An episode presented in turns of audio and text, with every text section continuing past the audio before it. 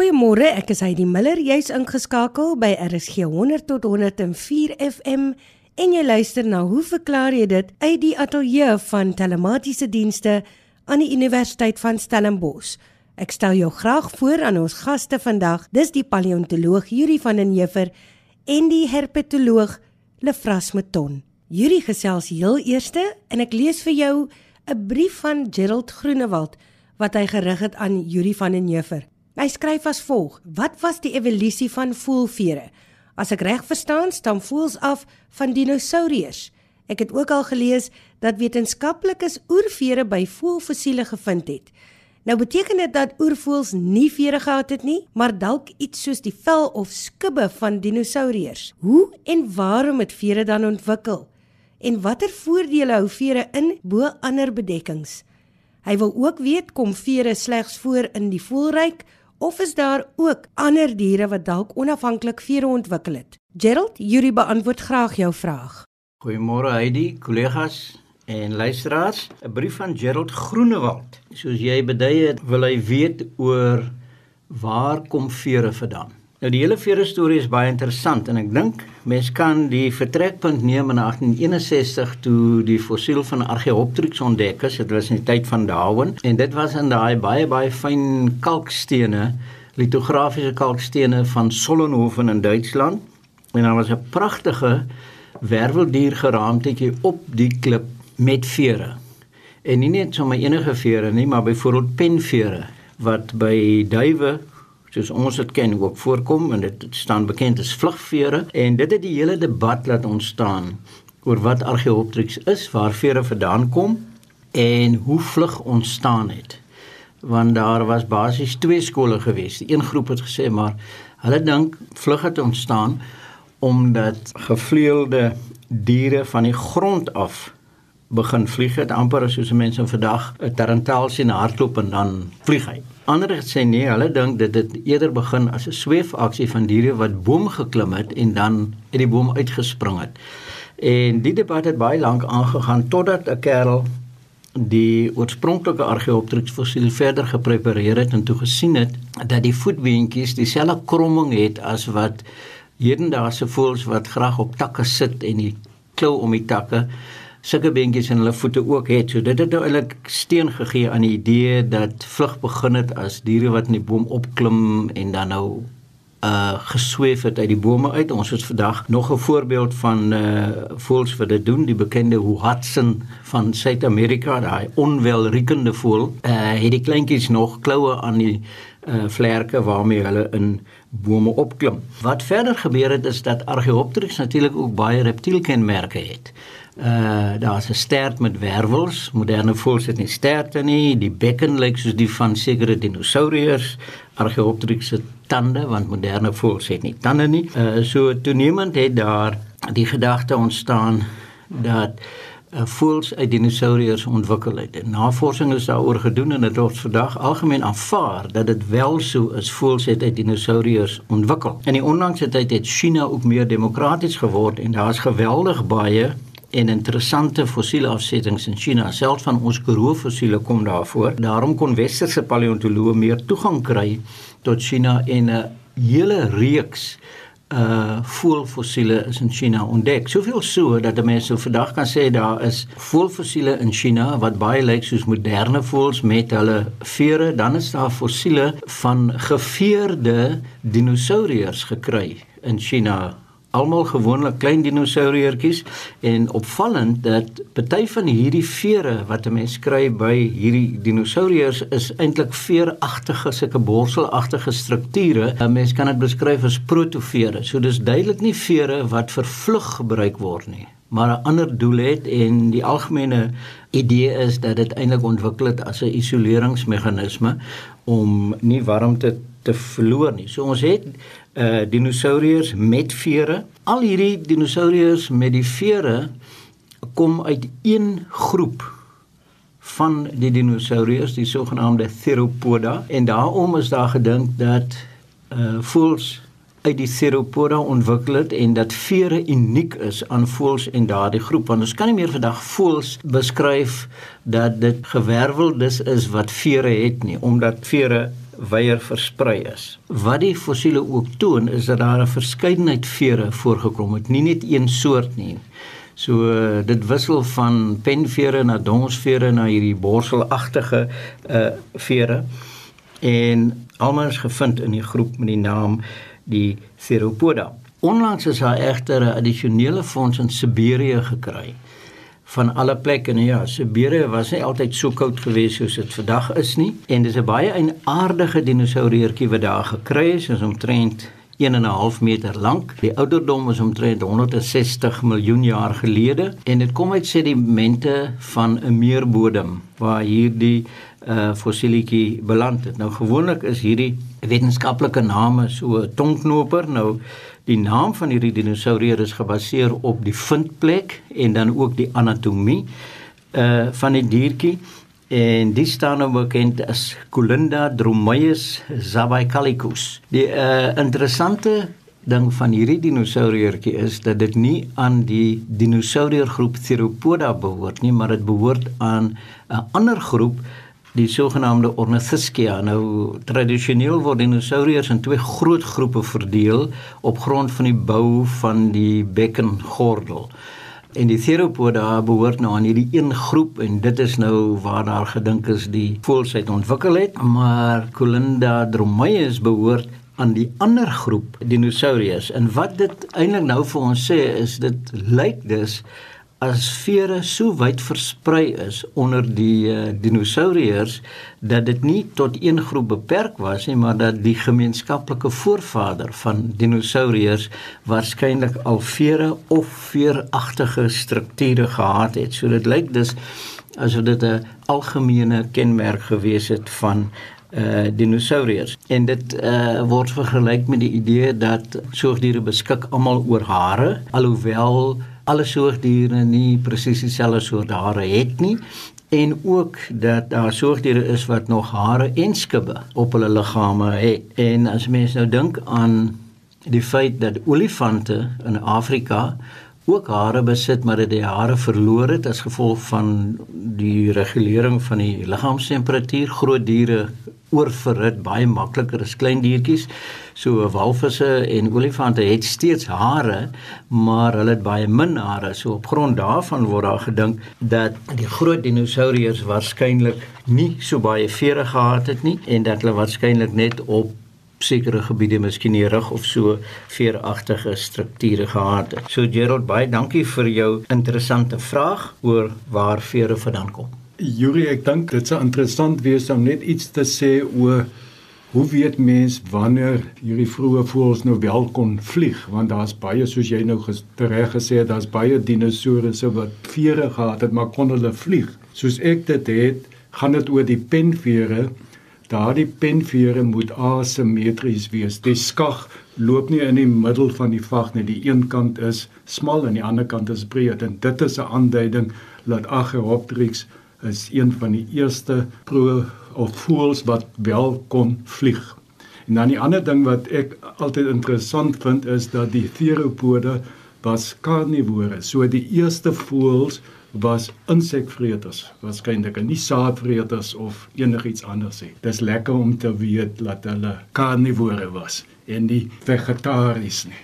Jy is heeltemal reg. Uh, die vraag is uh, definitief so dat die penvere van Archaeopteryx het 'n asimetriese skag, so die een kant die die baartjies en baarde aan die een kant is stewiger as aan die ander kant en dit is die voorkant van die veer wat teen die wind druk. 'n Voël se vlerk werk baie soos 'n vliegtuig se vlerk. As hy gespan is, het jy nou 'n gelyke onderste helfte, onderste gedeelte terwyl die boonste helfte gekrom is en dit help nou met die lugvloei wat vinniger bo-oor is en dit neig om die vlerk uh, te lig.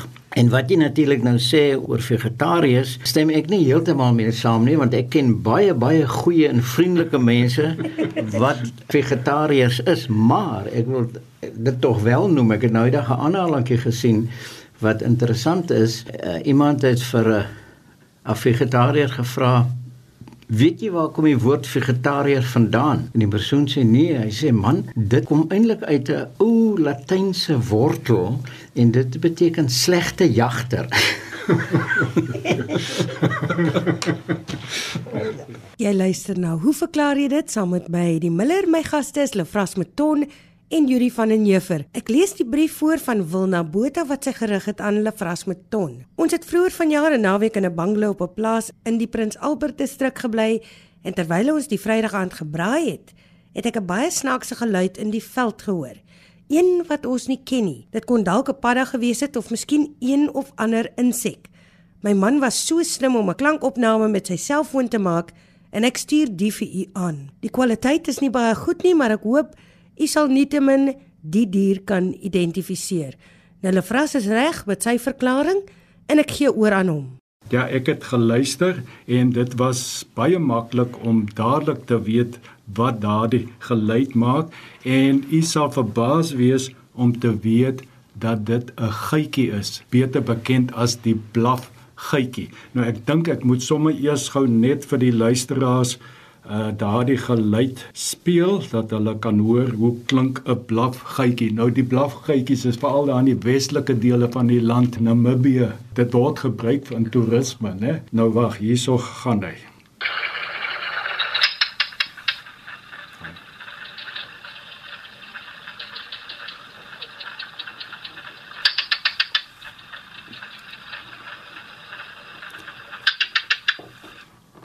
Nou baie kenmerkende geluid. Blaf geitjie, soos ek gesê het, veral in Namibië, daar is 3 spesies in die westelike dele van die land. Baie interessant in die sin dat hulle grondgeitjies is. Hulle het nie daai kussentjies aan die punte van hulle tone wat hulle teen glas en rotse kan ophardloop nie. Hulle grawe tonnels en hulle bly dan in hierdie stelsel van tonnels meer as een uitgang sodat hulle kan ontsnap as 'n ding nou hier begin grawe om hulle te probeer vang. Daar's 3 spesies, al drie kom in Namibië voor.